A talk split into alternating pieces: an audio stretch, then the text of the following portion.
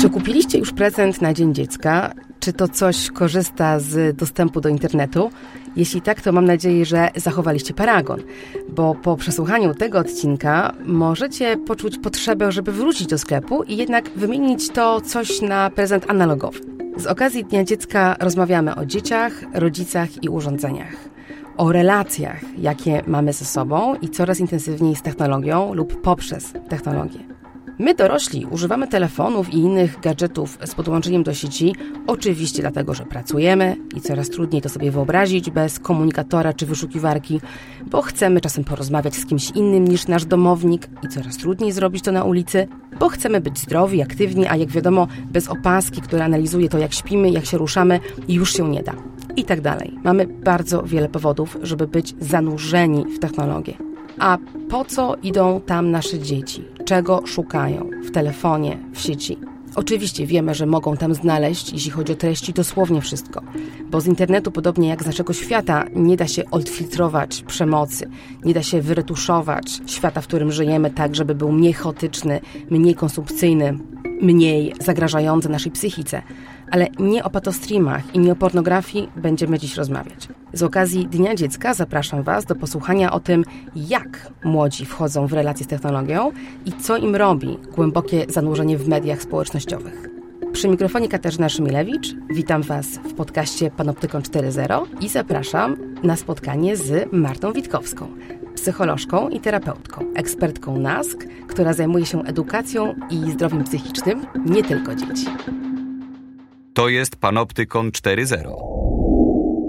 Dzień dobry. Witam, Witam serdecznie. serdecznie. Witam serdecznie. No właśnie. To może zacznijmy od bazy. Po czym poznać, że my mamy lub nasze dzieci mają problem w relacji z technologią, niezdrową relację z technologią? No przede wszystkim, e, kiedy naprawdę zaczyna ta technologia pochłaniać coraz więcej naszego życia. E, to jest też taka bardzo ważna zasada, bo my dorośli mamy e, takie przekonanie, e, że dzieci te ekrany powinny po prostu odłożyć i najczęściej naszą reakcją jest weź to wyłącz i troszkę czasami przesadzamy, nie zauważając tego, gdzie te podstępne bardziej ścieżki nas prowadzą, nas i nasze dzieci. Więc co powinno nas niepokoić? Przede wszystkim to, jeśli e, telefon czy urządzenie cyfrowe jest obecne już w każdej sferze naszego życia. W każdym miejscu, w domu? W każdym miejscu, w każdym czasie, jeżeli nie możemy się bez tego obyć i jeżeli w sieci, właśnie w sieci, realizujemy takie swoje podstawowe potrzeby. Jak patrzymy na nasze dziecko, to nie patrzmy tylko na to, ile ono fizycznie czasu spędza w sieci, bo to jest bardzo trudno teraz powiedzieć, bo my również jesteśmy praktycznie stale online. Ten telefon jest zawsze gdzieś na wyciągnięcie ręki, Bardziej patrzmy, co się dzieje w innych sferach. Czy dziecko nadal ma czas, żeby się uczyć, czy nadal ma czas, żeby offline spotykać się ze swoimi rówieśnikami, czy wszystkie fajne rzeczy dzieją się w internecie. Jeśli tak jest, to faktycznie powinno nas zaniepokoić. Czy taka rozmowa powinna uwzględniać potrzebę dziecka? Czy to powinno być tak, że ja zanim powiem odłóż, to sprawdzam z jakimś szacunkiem do tej potrzeby? Czy to jest jakaś ścieżka do tego, żeby przekonać się, co tam się tak naprawdę dzieje? Ja myślę, że nie ma innej, e, bo doskonale wiemy, że ciężko jest dziecku po prostu odgórnie czegoś zabronić i liczyć na sukces. E, każda zmiana nawyków, również zmiana nawyków cyfrowych, to jest e, etap przygotowywania się, etap trochę takiego diagnozowania, co właściwie się dzieje i dlaczego ja w tej sieci siedzę za długo, dlaczego to urządzenie mnie tak absorbuje, a dopiero potem szukamy jakiejś wspólnych, i to jest bardzo ważne, wspólnych sposobów na poradzenie sobie. Zmiana nawyków cyfrowych to jest zmiana całej rodziny. Nie tylko zmiana dziecka, bo My chcemy, żeby dziecko odłożyło telefon, a jednocześnie oglądamy siódmy odcinek z rzędu, prawda, na, na jakimś portalu streamingowym. No, dzieci na nas patrzą i uczą się e, naśladując nas, więc to też do nas należy, żeby zacząć nieco inaczej korzystać z technologii.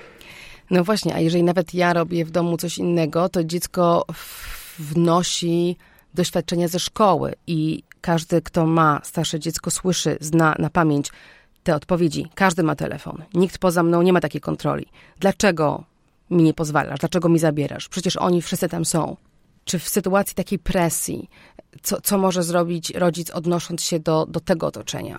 E, ja myślę, że takim e, może błędem, który my często popełniamy jako dorośli, to jest takie wskazywanie dzieciom takich negatywnych konsekwencji. Dzieci, nastolatki nie specjalnie lubią o tym myśleć. Myślę, że taką fajniejszą metodą jest pokazywanie korzyści. Czyli nie, nie masz na nic czasu, jak długo grasz, ale na przykład zobacz, na co mógłbyś mieć czas, e, jeśli e, telefon będzie nieco mniej obecny w Twoim życiu. To, to jest zupełnie naturalne, że dzieci tej technologii potrzebują, bo, bo, też wiemy z badań, że korzystają z niej głównie po to, aby utrzymywać relacje. Im starsze dziecko, e, nastolatek, tym te relacje są bardziej istotne. I my sami, myślę, z naszego dzieciństwa pamiętamy, że niebycie w kontakcie z tą swoją grupą było dramatyczne. My siedzieliśmy, czy wisieliśmy właściwie na telefonie godzinami, czasami jeszcze na tym telefonie z kablem, a dzieci siedzą w sieci. Oczywiście jest różnica, sieć jest globalna. Usłyszałam niedawno takie dość zabawne powiedzenie, ale myślę, że ono jest bardzo mądre, że kiedyś my swoje błędy młodości popełnialiśmy prywatnie, ponieważ nikt tego nie rejestrował. Teraz niestety nasze dzieci mogą te błędy popełniać publicznie, bo jeżeli coś raz się dostanie do sieci, to rzeczywiście trudno to stamtąd wydobyć, usunąć na stałe. Ale to nie znaczy, że powinniśmy dzieci od tej sieci na siłę odciągać. Ona powinna być w ich życiu, bo one nie nauczą się też tego, jak z niej mądrze, odpowiedzialnie korzystać, jeśli nie będą praktykować, jeśli nie będą próbować popełniać swoich małych błędów i odnosić swoich e, sukcesów. Natomiast na pewno powinniśmy rozmawiać z dziećmi o higienie, o tym, że e, internet to nie jest całe życie i też przyjrzeć się, z jakiego powodu to nasze dziecko tak długo jest w sieci? Bo powody są bardzo różne i sposoby zaradcze są różne w związku z tym. Jedno dziecko będzie miało na przykład trudność z nawiązywaniem kontaktów z rówieśnikami, więc będzie łatwiej e, mu w sieci. Wtedy naszym zadaniem jest troszkę stymulować takie kontakty w realu, w offline. Inne dziecko będzie na przykład w sieci odnosić sukcesy, na przykład będzie świetne w jakiejś grze, a w życiu będzie miało mało okazji do tych sukcesów, więc cóż w tym dziwnego, że będzie ciągnąć e, go do sieci. E, wtedy być może powinniśmy zadziałać nieco inaczej. Troszeczkę dać więcej okazji, aby dziecko się sprawdziło i ten sukces odniosło. I tak dalej, i tak dalej. Powody są różne. Najpierw musimy się przyjrzeć, rozpoznać je, porozmawiać z dziećmi, powiedzieć dlaczego co i co nas niepokoi, wysłuchać argumentów dziecka i spróbować znaleźć jakiś rodzaj kompromisu. A jak podejrzeć, żeby nie być takim podglądającym rodzicem? Jest jakiś sposób, żeby razem z dzieckiem zajrzeć do jego świata? Oczywiście najłatwiej jest, jeżeli robimy to od samego początku, jeżeli od samego początku towarzyszymy dziecku. E, to jest oczywiste, że nastolatek nie będzie już nam dawał e, dostępu. Podglądu do swojej gry.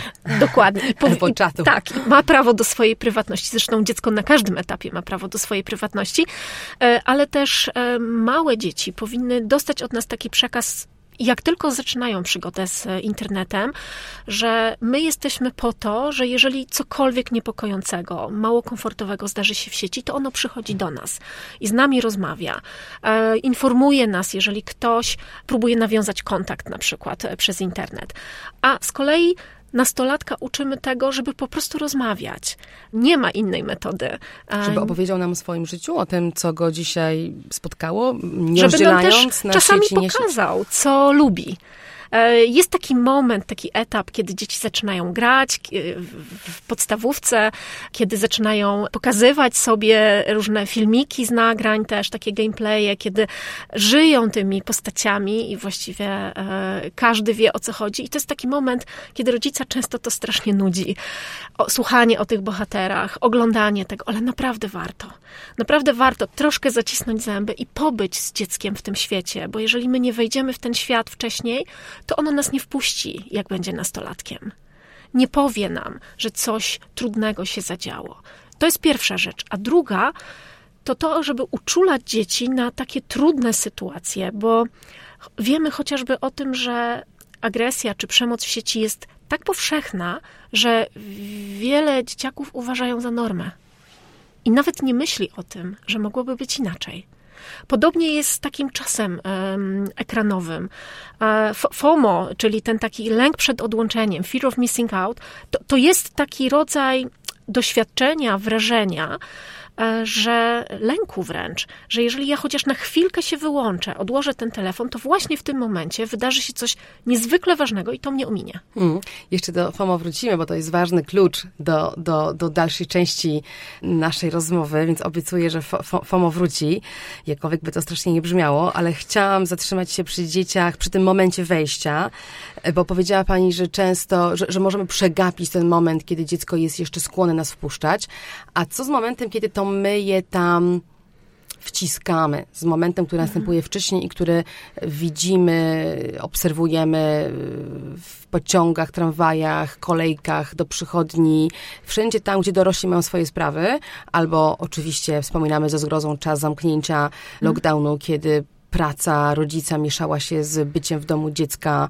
w tej czy innej formie, czy małego, czy większego i te urządzenia były wszędzie, a więc no bajka, bo ja mam akurat mhm. kola w pracy.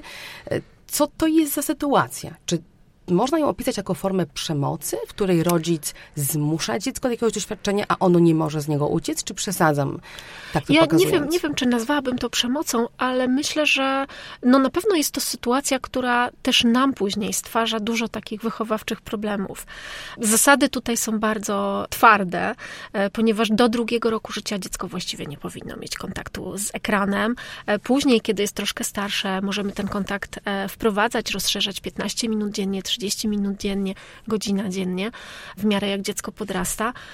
No ale jesteśmy tylko ludźmi i zdarzają nam się takie sytuacje, że czasami ta elektroniczna niania jest nam potrzebna, kiedy siedzimy w kolejce do lekarza, dziecko bardzo marudzi, kiedy rzeczywiście incydentalnie wydarza się coś trudnego, naprawdę możemy skorzystać z tej sytuacji, ale nadal powinniśmy mieć dziecko na oku. E, nadal, jeśli puszczamy bajkę, to powinniśmy pamiętać o tym, że bajka się skończy i nie wiemy, jaki filmik pojawi się za tą bajką. I tu powinniśmy być bardzo czujni. Nie zostawiać dziecka, szczególnie małego dziecka, samego przed ekranem. To się nam czasem może zdarzać, ale nie powinniśmy przesadzać z tym ekranem w życiu dziecka, a na pewno nie traktować ekranu jako nagrody, i braku ekranu jako kary. Wtedy strzelamy sobie w kolano po prostu automatycznie, bo ten dostęp do, do sieci, bardzo atrakcyjny dla dziecka, staje się no, czymś, czego no, bardzo, bardzo, bardzo chce. To jest atrakcyjne, bo działa na jakieś proste schematy w mózgu, bo to jest silny bodziec, czy też atrakcyjne z innych względów? Czy dziecko też takie mniejsze ma, ma jakiś substytut? W postaci bajki, czegoś, jakiegoś przeżywania, czy to jest po prostu trochę jak cukier, jak duża dawka cukru, no wiadomo, każde dziecko ulega. Mo można to tak troszkę porównać, bo y, ekrany, y, internet są bardzo nagradzające dla nas i dla dzieci, i dla dorosłych. E, bardzo mocno pobudzają taki szlak dopaminowy, są taką nagrodą e, dla nas. Dopamina jest takim neuroprzekaźnikiem, który odpowiada za e, wzmacnianie, za przeżywanie przyjemności i wzmacnianie zachowań, które nam tą przyjemność dają. Jeżeli lubimy czekoladę i wydziela nam się dopamina, kiedy ją jemy, no to chcemy ją jeść znowu i znowu i znowu. I bardzo podobnie jest z ekranami. Jeżeli tego dostępu jest dużo i uzależniamy się jakby od takiej pętli dopaminowej, chcemy znowu mieć ten wyrzut, więc znowu poszukujemy tego doświadczenia. I dzieci, nastolatki są dużo bardziej wrażliwe na takie szybkie, szybkie wykształcenie takiego procesu, ponieważ ich mózgi e, nie są jeszcze rozwinięte do końca. Cały czas e, są w tym procesie przebudowy i rekonstrukcji.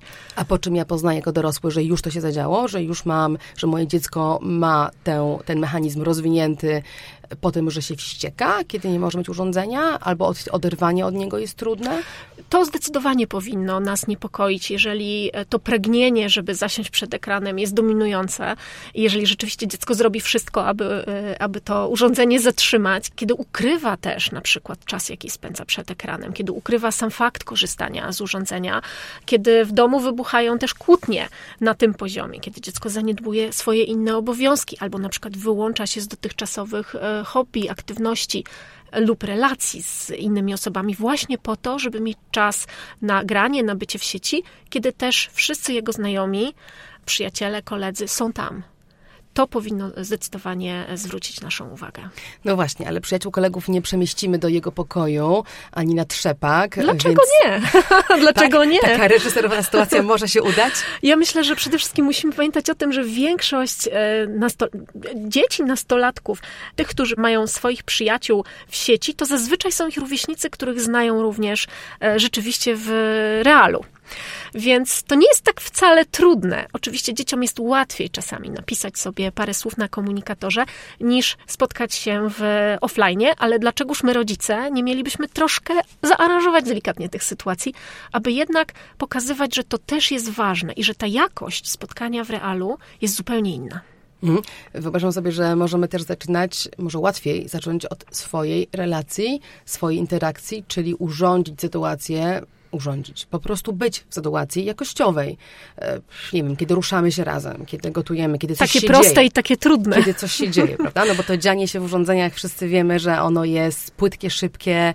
To jest bardziej złudzenie dziania się niż jest to dzianie, ale ten ruch, ta interakcja, ta stymulacja jest. No w domu... Prze- tak, przede wszystkim... Y- to, co robimy razem ze sobą w takiej dobrej, jakościowej relacji, nas zatrzymuje na tu i teraz. W sieci to jest bardzo trudne, bo sama sieć działa w taki sposób, że non-stop jesteśmy bombardowani nowymi bodźcami. A my jesteśmy tak skonstruowani biologicznie, że my podążamy za nowym bodźcem. Więc to jest to takie poczucie, które daje nam sieć, że jesteśmy jednocześnie niedoinformowani, bo dzieje się mnóstwo rzeczy i my nie jesteśmy w stanie wszystkiego połapać, a z drugiej strony jesteśmy przeinformowani, bo lawina tych wszystkich komentarzy, lajków, lajków, polubień, reakcji jest tak duża, że my nie jesteśmy w stanie się z tym zorientować. I to jest ta różnica, że nie jesteśmy tu i teraz, bo w sieci bez przerwy gonimy za czymś nowym. I ja myślę, że takie, taką przygodę z higieną cyfrową, z takim zadbaniem o lepszy cyfrowy dobrostan, naprawdę warto zaczynać od bardzo malutkich kroczków. Wystarczy, że to będzie umówienie się, że w domu nie jemy posiłków z telefonem, albo że smartfon nie jest pierwszą rzeczą, jaką bierzemy do ręki po obudzeniu się i sprawdzamy, co tam się wydarzyło przez te 8 godzin. Czyli co, zachęcam siebie i dziecko, żeby smartfony zamieszkały w pokoju, gdzie jest kanapa i telewizor, a nie w Na sypialni. przykład. I że dziecko widzi, że ja robię to samo? Tak. Tu przykład jest bardzo ważny.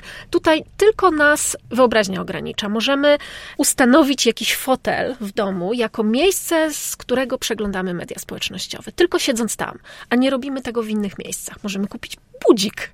Kto ma teraz budzik? Naprawdę rzadko kto. Możemy umówić się, że staramy się na spacer z psem a, lub z koleżanką wyjść bez telefonu. I może świat się nie zawali No w teraz, tym to czasie. ja, teraz to ja poczułam coś w rodzaju FOMO. Akurat mm, muszę przyznać, że, że tak, myśląc sama o sobie, um, uważam się za, za, za dziwadło w naszych czasach, bo ja niczego nie skroluję, niczego nie przeglądam. Dla mnie media społecznościowe są jakimś antymodelem na przeżywanie emocji pozytywnych. Wyłącznie chyba kojarzą się ze stresem i z jakimś rodzajem manipulacji, której tam jestem poddawana ale doświadczenie zgubiłam telefon, jestem bez ręki, jest mi znane. Tak. Nie wiem, czy to już się kwalifikuje jako FOMO, takie poczucie zagrożenia w związku z brakiem kontaktu, dostępu do, nie wiem, hasła, telef- y, karty, którą tam mam zaszytą. Ja akurat nie mam, no ale wiele osób płaci telefonem, tej możliwości powiadomienia kogoś, słuchaj, jestem bez telefonu, jak teraz do mnie zadzwonisz, to się zmartwisz, bo ja nie odbiorę. Czy to już jest sygnał niepokojący dla współczesnego człowieka? E, Może być. Powiem tak, może być absolutnie. No tutaj też musimy zważyć to, na ile na przykład nasz zawód sprawia, że musimy być w kontakcie. Bo to też e, jest troszkę co innego. Ale jeżeli rzeczywiście przyłapujemy się na tym, że trudno nam wyjść do toalety bez smartfona, albo że ciągle mamy poczucie, że nam tam wibruje, dzwoni w kieszeni i co chwila odblokowujemy Czyli ekran. jest coś takiego jak fantomowe... Absolutnie tak. Aha. Absolutnie tak. E, Osoby z wysokim poziomem FOMO rzeczywiście znacznie częściej niż e, osoby, które takiego FOMO nie odczuwają, przeżywają takie doświadczenia, takich, takiego właśnie fantomowego przywoływania e, przez smartfona, tego, że wibruje, że dzwoni, że przyszła jakaś wiadomość. Mogą też czuć fizyczne takie oznaki stresu, kiedy nie mogą się skontaktować, kiedy padnie bateria, kiedy ten telefon zgubią. Mhm. Czyli tak klasyfikując, y, żebyśmy to uporządkowały trochę, termin FOMO nie jest nowy, prawda? To Nie. jest już przynajmniej 20, więcej Od lat on- 80. Aha, i i jak, jak to pojęcie rozpakować, odkąd, skoro ono jest tak stare, to co ono oznaczało, zanim zaczęło oznaczać to, co teraz opisujemy? Ono nie było początkowo związane rzeczywiście z mediami społecznościowymi, bo ich po prostu nie było. I ono zostało ukute w, w takim kontekście e, sytuacji, kiedy my bez przerwy czujemy, że szklanka jest do połowy pusta. Kiedy czujemy, że no, ta trawa zieleńsza u sąsiada, że to nas omija coś satysfakcjonującego, co jest dane innym osobom. Nawet tak egzystencjalnie, nie konkretnie, że tu teraz się dzieje, tylko w ogóle ja mam gorzej, tak? Tak, mamy takie poczucie, że jesteśmy z czegoś wykluczeni, że przeżywamy taki rodzaj braku satysfakcji, która dla innych osób jest dostępna. No i można powiedzieć, że rozkwit mediów społecznościowych otworzył szeroko te wrota przed FOMO, bo gdzież inaczej moglibyśmy poczuć, że trawa jest zieleńsza, jak patrząc na te piękne, wystylizowane profile, Trawniki, gdzie mhm, pomalowane. tak, pomalowane wspaniale i najśmieszniejsze jest to, że nawet jeżeli my wiemy o tym, że to, co dzieje się e, na profilach, to jest coś wystylizowanego, tak, że my je wrzucamy, robimy 10 zdjęć i wrzucamy to najlepsze, dzielimy się najfajniejszymi chwilami. Sami to robimy też, starannie selekcjonując te treści, to i tak się łapiemy na to. Dlaczego? I tak, tak działa nasz mózg. Nie- tak nie po prostu działa nasz mózg. Podregulować jakiejś kontrolki tak, Zawsze możemy mieć tą, myślenia. Zawsze możemy mieć tą świadomość i jednak starać się świadomie wyłączać z tej pogoni za tym pięknym, wyidealizowanym światem. Nam dorosłym jest trudno, ale teraz pomyślmy o dzieciach i nastolatkach, gdzie ta aprobata społeczna, takie poczucie bycia aktorem na scenie, e, gdzie wszyscy patrzą i oceniają, a to jest takie częste poczucie nastolatków, jak to się niesamowicie zwiększa, kiedy są w sytuacji bycia w mediach społecznościowych, gdzie każdy może ocenić, gdzie oni też siebie oceniają jako takich z mało ciekawym życiem, mało satysfakcjonującymi doświadczeniami w porównaniu z tym, co widzą u innych. Czy w takim razie to wszystko zaczyna się w poczuciu własnej wartości? Jeżeli o nie zadbamy u siebie, u naszych dzieci, to jest szansa, że potem to FOMO, nawet jeżeli wystąpi, będzie łatwiej nim zarządzić? Czy to jest aż tak proste, aż tak trudne? Jeżeli ja czuję się wewnętrznie nie dość dobra i e, szukam tego potwierdzenia na zewnątrz, no to niejako jestem skazana na taką równię pochyłą w dół, bo wchodząc do internetu będę miała tylko większy problem. E, Czy jest jakaś e, krótsza droga? Bo to, o czym mówię, jest bardzo trudne, prawda? No nie każdy z nas wylosował poczucie własnej wartości na starcie. I co wtedy? Tak, my wiemy, że taka niska samoocena, czy takie poczucie gorszości współistnieje z FOMO. Nie chcę tutaj się wypowiadać e, o skutku, przyczynowości, skutkowości, tak, bo to jest inna sprawa. Na pewno, jeżeli mamy niską samoocenę, to rzeczywiście e, media społecznościowe mogą ją pogorszyć, ale jeśli z drugiej strony znajdziemy tam fajną grupę wsparcia, mogą nam to samopoczucie podnieść.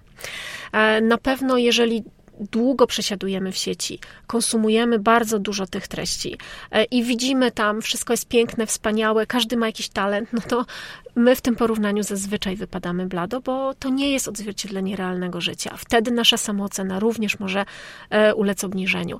E, Ja myślę, że, że tak, dbanie o samoocenę jak najbardziej e, dziecka, ale też uczenie takiego krytycznego spojrzenia na treści. To w ostatnich latach rozwoju internetu no, szczególnie nabrało znaczenia, żebyśmy uczyli dzieci krytycznego odbioru treści i takiego rozumienia, że to, co ja widzę, niekoniecznie jest jeden do jednego odbiciem prawdziwego życia.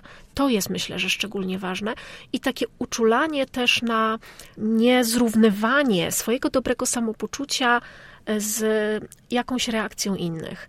To, to jest to, co nas tak bardzo przyciąga w mediach społecznościowych, że ja wrzucam zdjęcie X, ono dostaje 10 lajków, wrzucam zdjęcie Y, a ono dostaje 50 lajków. To ja się uczę takiej aprobaty społecznej, że ja będę wrzucać zdjęcia w, typ, w typie Y. Trenuje się bo- jak algorytm. Tak, jak algorytm, bo one budzą więcej poklasku.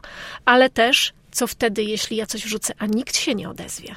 To jest bardzo trudna sytuacja dla młodych ludzi. No, dla dorosłych to jest też trudne, ale dla młodych to jest śmierć społeczna. Więc o tym musimy rozmawiać z młodymi ludźmi, że to, co dzieje się w sieci, naprawdę nie świadczy o ich wartości, nie odzwierciedla ich w pełni i że te relacje, które mają w realu, te zainteresowania, ich życie rzeczywiste jest e, bardzo ważne. I też powinno być na nie miejsce, niezależnie od tego, jak ekscytujący, interesujący i wspaniały jest internet, bo jest. Ale nie można e, żyć tylko stojąc na jednej nodze. Potrzebujemy obydwu. No ale wyobrażając sobie sytuację, mm, w której dziecko, nastolatek wrzuca coś do sieci i nie ma żadnego lajku i mówimy śmierć społeczna, najczęściej wyobrażam sobie, że tam jest sytuacja społeczna właśnie, że to nie jest bez powodu, tylko jest w klasie, w grupie koleżeńskiej, w której coś się wydarzyło i to coś, co wydarzyło się naprawdę ma emanację tylko w postaci tego braku lajków czy innych emotikonów, które coś sygnalizują, a więc... Yy, no właśnie, czy receptą jest powiedzieć, hej, nie przejmuj się, choć wracamy do tego realnego życia, zadzwoń do koleżanki, jeżeli to jest ten sam adres, prawda? Jeżeli jest to sama grupa, w której coś się dzieje. Czy my dorośli mamy możliwość wejścia w jakiś sprytny, y, nieinwazyjny, niegłupi sposób do tych relacji grupowych szczególnie, nie wiem, rozmowy ze szkołą czy z innym rodzicem, żeby dowiedzieć się, co tam się wydarza, że tych lajków mhm. nie ma, albo że dzieciaki tak histerycznie ich szukają. Ja myślę, że tu są dwie różne sytuacje. Pierwsza jest taka, kiedy rzeczywiście to, co dzieje się w online, jest takim przełożeniem e, na przykład takiej przemocy agresji rówieśniczej w postaci cyberprzemocy, bo pamiętajmy o tym, że nie tylko nękanie, grożenie, wyśmiewanie, obrażanie jest cyberprzemocą, ale wykluczenie na przykład z grupy klasowej, z grupy przyjaciół również będzie e, formą cyberprzemocy. I rzeczywiście, jeżeli widzimy, że nasze dziecko bardzo się martwi tym, co się wydarzyło, powinniśmy dopytać, powinniśmy zapytać, czy to ma jakiś związek, czy coś się jeszcze dzieje. I rzeczywiście w niektórych przypadkach tak może być, nie że. bagatelizować, a na, spokój, to, to na tylko, pewno nie. To tylko post. A, natomiast nie zawsze to musi być ta sytuacja. Sami pomyślmy o tym, ile razy skrolujemy sobie swoją, nie wiem, swój profil, na ile zdjęć, komentarzy, e, informacji reagujemy. Już nie na tak bardzo wiele. Więc nie zawsze to jest tak, że to musi być coś bardzo, bardzo poważnego, ale na pewno powinniśmy mieć otwarte oczy, uważnie posłuchać dziecka, dopytać, co się tutaj dzieje, dlaczego tak bardzo się martwi, że coś e, nie zyskało poklasku, że nie, nie ma żadnej reakcji na to. Kluczem jest znowu rozmowa, my, to my musimy się zainteresować, bo dla dziecka takie doświadczenie może być oczywistością. To jest bardzo smutne, ale ono może czuć, że zasługuje w jakiś sposób na to, żeby być wykluczone. Mhm.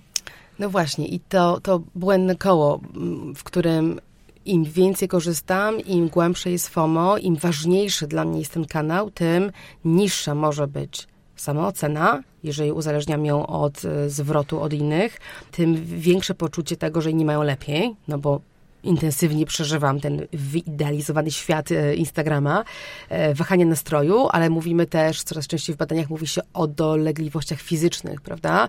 Brak snu, napięcia tak. w ciele. E, co jeszcze może nam dać sygnał niepokojący ze świata naszego, naszych dzieci, co wykracza poza te, no już przez, przez nas opowiedziane stany psychiczne? Czy w ciele FOMO też się zapisuje? Jak najbardziej. No, chociażby ten brak snu. My wiemy z badań, że już co piąty nastolatek potrafi się obudzić specjalnie w środku nocy, bo nie jest w stanie doczekać do rana, żeby zaktualizować to, co wydarzyło się w mediach społecznościowych.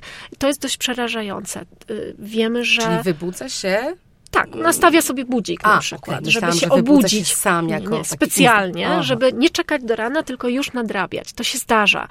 Wiemy doskonale o tym już z badań, e, prowadzonych zresztą od lat, że światło emitowane przez urządzenia cyfrowe no, nie sprzyja naszemu wypoczynkowi. Zarówno gorzej zasypiamy, jak i gorzej śpimy tak naprawdę przynajmniej godzinę przed snem powinniśmy odstawić smartfony, tablety, laptopy, telewizor i e, troszkę przygotować się do spania. Teraz niech rzuci kamieniem pierwszy, który, e, który e, myśli, że to jest takie proste, bo sami popełniamy te błędy, ale naprawdę warto spróbować. Bo zawsze jest jakiś powód, prawda? Tak zawsze jest, jest ulec powód. temu poczuciu, że nie, no dzisiaj, okej, okay, no dzisiaj naprawdę muszę, ale dzisiaj naprawdę strony, coś mnie dogania. Możemy zapowiedzieć naszym znajomym, hej, słuchajcie, od 21 mnie po prostu nie ma. I tyle. No, jakimś wyjściem na pewno, y, jakąś drogą wyjścia y, jest y, sama technologia, która niektóre telefony przecież już uwzględniają takie ustawienia, które nam w tym pomagają, łącznie z tym, że dają sygnał innym, mhm. ten człowiek już wyłączył powiadomienia, prawda? Widzimy to czasami w telefonie, taki sygnał idący z drugiej strony, który ma nas przygotować na to, że to, że ja nie dostanę, nie, nie dostanę odpowiedzi natychmiastowej, nie powinno mojego FOMO rozbudzać, bo tam po drugiej stronie ktoś po prostu poszedł spać albo zarządził sobie ten um, odpoczynek. Czyli tak teraz głośno myślę, już idąc trochę w kierunku rozwiązań, szukania rozwiązań, e, skoro nasze mózgi tak doskonale w tej pętli funkcjonują, tak trudno nam jest z tego wyjść. Może rzeczywiście to jest e, wołanie do producentów sprzętu, do producentów aplikacji, żeby oni nam trochę pomogli i skoro zrobili tak świetne narzędzia uzależniające, to teraz niech nam posypią jakąś odżywką, na której wyrośnie większa odporność naszych mózgów. No choćby właśnie to, że tak łatwo technologicznie jest ustawić powiadomienie on, ona nie czyta teraz. Zrób to mhm. samo. No, z pewnością e, w miarę jak ten problem narasta, my widzimy różnego rodzaju rozwiązania, które są nam dawane, chociażby takie właśnie ustawienia, które mają nam pomóc w zachowaniu cyfrowego dobrostanu. W większości aparatów e, telefonicznych już każdy z nas ma jakiś rodzaj cyfrowego dobrostanu. Warto sprawdzić w ustawieniach. E, możemy sobie sprawdzić tam, jeżeli uruchomimy taką opcję, jak wiele czasu poświęciliśmy na przykład w danym tygodniu na jakąś aplikację, czy telefon był używany krócej, czy dłużej. Mamy dość duże możliwości. Możemy zarządzić dokładnie, która aplikacja te powiadomienia nam może wysyłać i jakie, prawda? To czy one mają mhm. dźwięk, czy nie, a więc trochę wybrać, którym kanałem ja naprawdę chcę, w którym kanale jestem gotowa spędzać więcej czasu, a który jest tylko do pracy. Ale my też możemy sami to zrobić. Możemy na przykład odinstalować przychodzące powiadomienia bardzo dużo osób ma takie ustawienia, że jeżeli ma jakąś aplikację w telefonie, to na ekranie głównym wyświetlają się takie nudge, takie powiadomienia, takie szturchnięcia. Hej, ktoś oznaczył jakiś post, hej, ktoś coś skomentował. I nasza uwaga co sekundę się, ekran nam rozbłyska i nasza uwaga co sekundę przerzuca się e, na takie powiadomienia, nie, niezależnie od tego, czy to jest bardzo ważna informacja, czy informacja o tym, że sklep, w którym coś kupiliśmy trzy miesiące temu, ma nową promocję.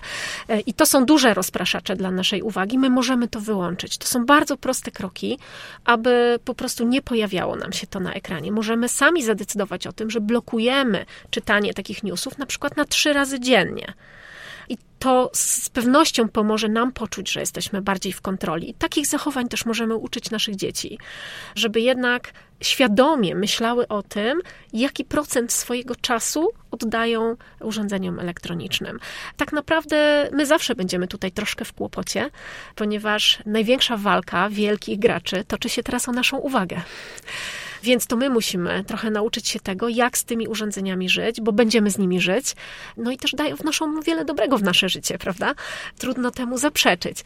Więc trochę to jest po naszej stronie, a jak w badaniach e, zapytaliśmy o to internautów, kto właściwie powinien no, jakoś przejąć taki główny ciężar roli w, w uczeniu dobrostanu cyfrowego, e, pytań, zawsze padała jedna odpowiedź: rodzice. Aha. I to jest bardzo trudne. Mimo, bo... że to nie my zaczęliśmy tę grę o uwagę naszych dzieci, prawda? Ale my, rodzice, też mamy z tym problem.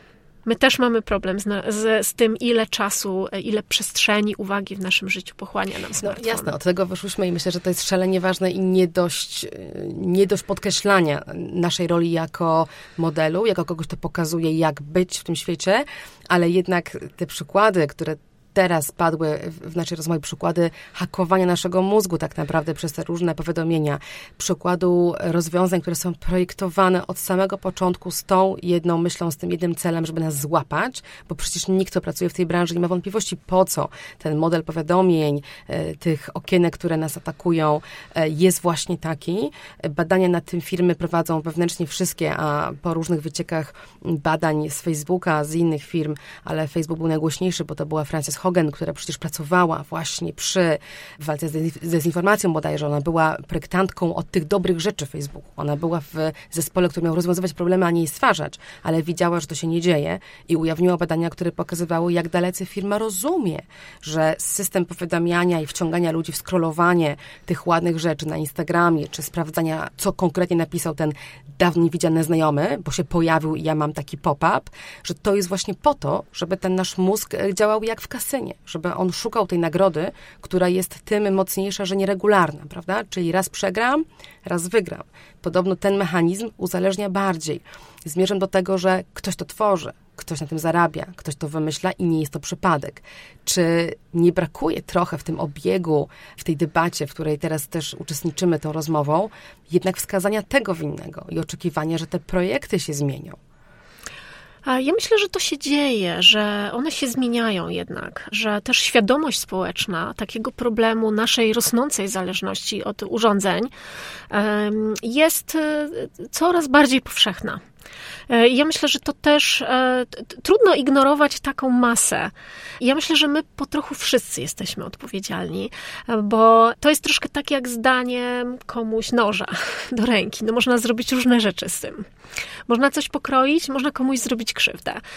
My wszyscy jesteśmy odpowiedzialni za to, w jaki sposób korzystamy z nowych technologii. Wszyscy powinniśmy się tego uczyć, a problem jest może taki, że się nie uczymy, że nie ma specjalnych kursów czy warsztatów, nie wiem, może już są, ja ich nie znam. Jak zadbać o swój cyfrowy dobrostan? E, rodzice są tak troszkę delegowani do tego, aby uczyć dzieci, a sami nie wiedzą.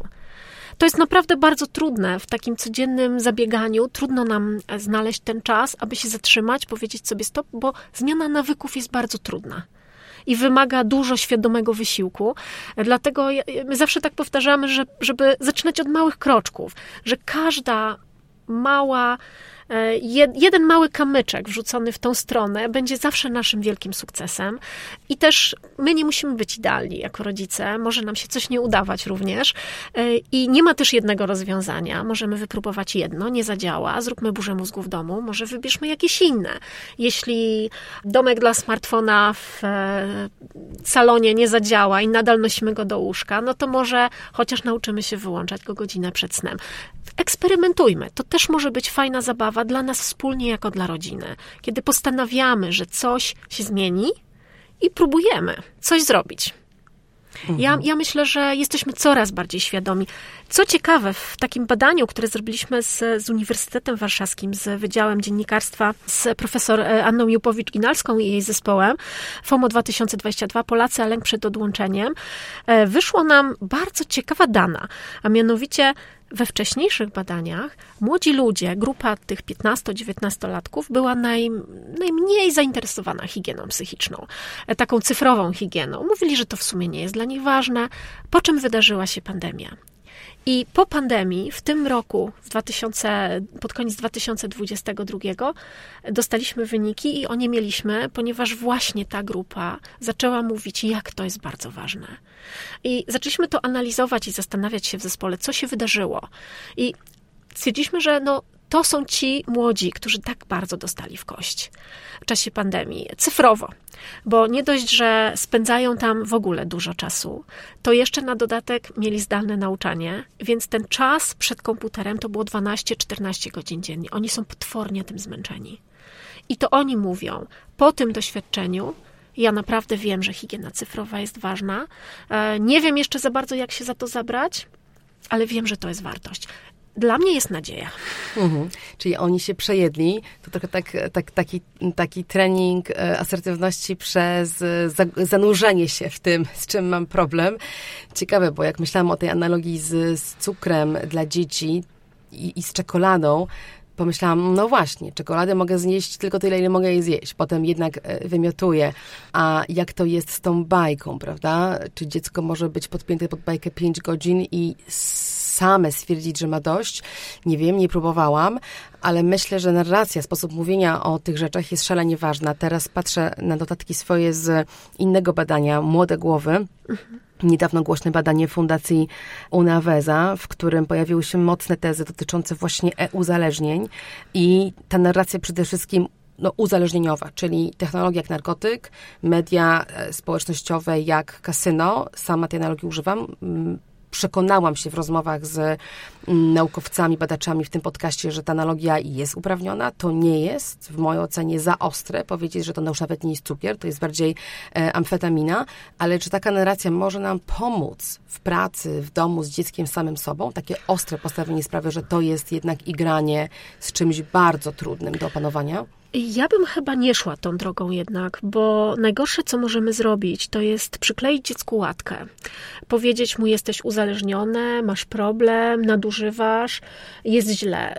Co dziecko z takiego komunikatu otrzymuje? Otrzymuje taką e, informację, no coś jest ze mną nie tak, no co ja mogę z tym zrobić? No tak jest. No jestem jakiś uzależniony. Mhm. I właściwie w tym momencie nie mamy już drogi do, do tego, żeby coś z tym zmienić. Ja raczej bym zachęcała do tego, aby iść taką metodą korzyści, czyli troszkę pokazać dziecku, co zyskasz, jeśli tych technologii w Twoim życiu będzie nieco mniej. Mówić, czy po prostu pokazywać? I jedno, i drugie. Doświadczać razem z nim tych innych rzeczy. I my, każde dziecko, i taki, i taki maluszek, który tak naprawdę jeszcze powinien w bardzo kontrolowany sposób korzystać z sieci, e, i nastolatek trochę potrzebują podpowiedzi, bo najczęstszym, najczęstszym powodem, dla którego dzieci nadużywają internetu, jest nuda czyli brak pomysłu na to, jakie mogłoby być to alternatywne zajęcie. Ale tutaj też my troszkę ponosimy winę, bo my jako dzieci jeszcze się mogliśmy nudzić na podwórku, na tym trzepaku. Nie chcę idealizować tego trzepaka, tam też się różne rzeczy działy, ale jednak y, nuda była przyzwole, jakoś było przyzwolenie na nudę. Jak się szło do rodzica i mówiło się, hej mamo, tato, nudzi mi się, to się dostawało często komunikat, to ja ci zaraz znajdę coś do roboty. I mhm. szybciutko przestawało nam się nudzić. Sami byliśmy w stanie sobie to znaleźć. I troszkę powinniśmy my się uderzyć w pierś dorośli, bo czy my dajemy naszym dzieciom przestrzeń do tego, żeby się ponudziły? Czy napakowujemy im terminarz e, ze szkoły na takie zajęcia, na taki język, na takie kółko, a potem szybko zęby, a jeszcze ćwiczenia, e, kłaść się spać? Dzieci są potwornie zmęczone i uciekają w coś, co ich mało kosztuje. Mhm. To jest jedno kliknięcie. Czyli, czyli yy, myślenie nudzi się i wtedy sięgnie po telefon, niekoniecznie jest poprawne? Poprawne. Nudzi się i sięgnie po telefon, ponieważ nie umie się ponudzić. Aha, czyli to się za, musiałoby zacząć dużo wcześniej, zanim wykształcił się, wykształcił się ten odruch e, sięgania po technologię. Musiałabym zadbać o to, że moje dziecko potrafi się nudzić i nie ma z tym problemu. Nie Bo jak dziecko, stresu. tak, jak dziecko się nudzi, to zazwyczaj sobie w końcu znajdzie coś interesującego, ale nawet dzieci, które nie mają tego nawyku, możemy tego nauczyć, dając jakąś alternatywę na początek, czyli dając opcję. Hej, może nie telefon, a może to, to albo to. No i spróbuj i zobacz, podpasuje ci albo ci nie podpasuje. Nie podpasuje ci, ok, rezygnujesz z tego, e, coś innego. Możemy znowu wykształcić ten nawyk powinniśmy to wobec siebie zrobić, bo ile razy jest tak? Ponudźmy się razem. No, dokładnie. Ile razy jest tak, że my dorośli, e, no tak trochę, wie, trzeba by było sprzątnąć, wstawić pranie, ale tak, tak trochę nam się nie chce, no to buch telefon i skrolujemy. My no też tak, możemy trochę posiedzieć. na czekanie, reakcję na bycie w pociągu, w tramwaju. Ilu z nas potrafi dzisiaj przysiedzieć 15 minut, patrząc przed siebie w okno na ludzi i nie sięgając po urządzenie, prawda? Więc znowu wracamy do tego modelu, do przykładu. I na koniec wrzucę koncepcję JOMO, Joy of Missing Out. Czy to brzmi jak dowcip e, dla terapeuty, dla e, psycholożki, czy rzeczywiście widać jakiś trend, że ludzie zaczynają tak jak e, ze slow foodem, czy, czy inną formą szukania lepszego naszego życia, szukanie do, do dobrostanu, mówić o tym w kręgach psychologicznych, że, że może być radość odłączenia, afirmacja tego, że jestem offline? Czy to zaczyna być jakiś widoczny trend? Na pewno jest to modne sformułowanie, ale powiedziałabym, że w tej modzie jest dużo dobrego.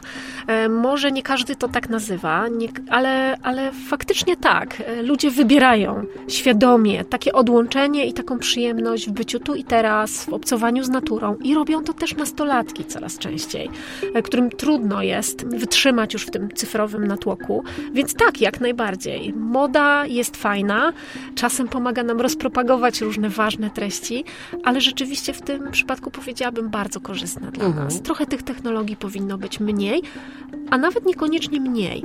One powinny być bardziej naszym wyborem. To znaczy, to my powinniśmy decydować, kiedy wybieramy technologię, a nie odwrotnie. To my powinniśmy mieć to w kontroli, bo są takie okresy w życiu, kiedy potrzebujemy ich dużo ale powinna być jakaś równowaga. To nie chodzi o to, żeby się odciąć i nie używać.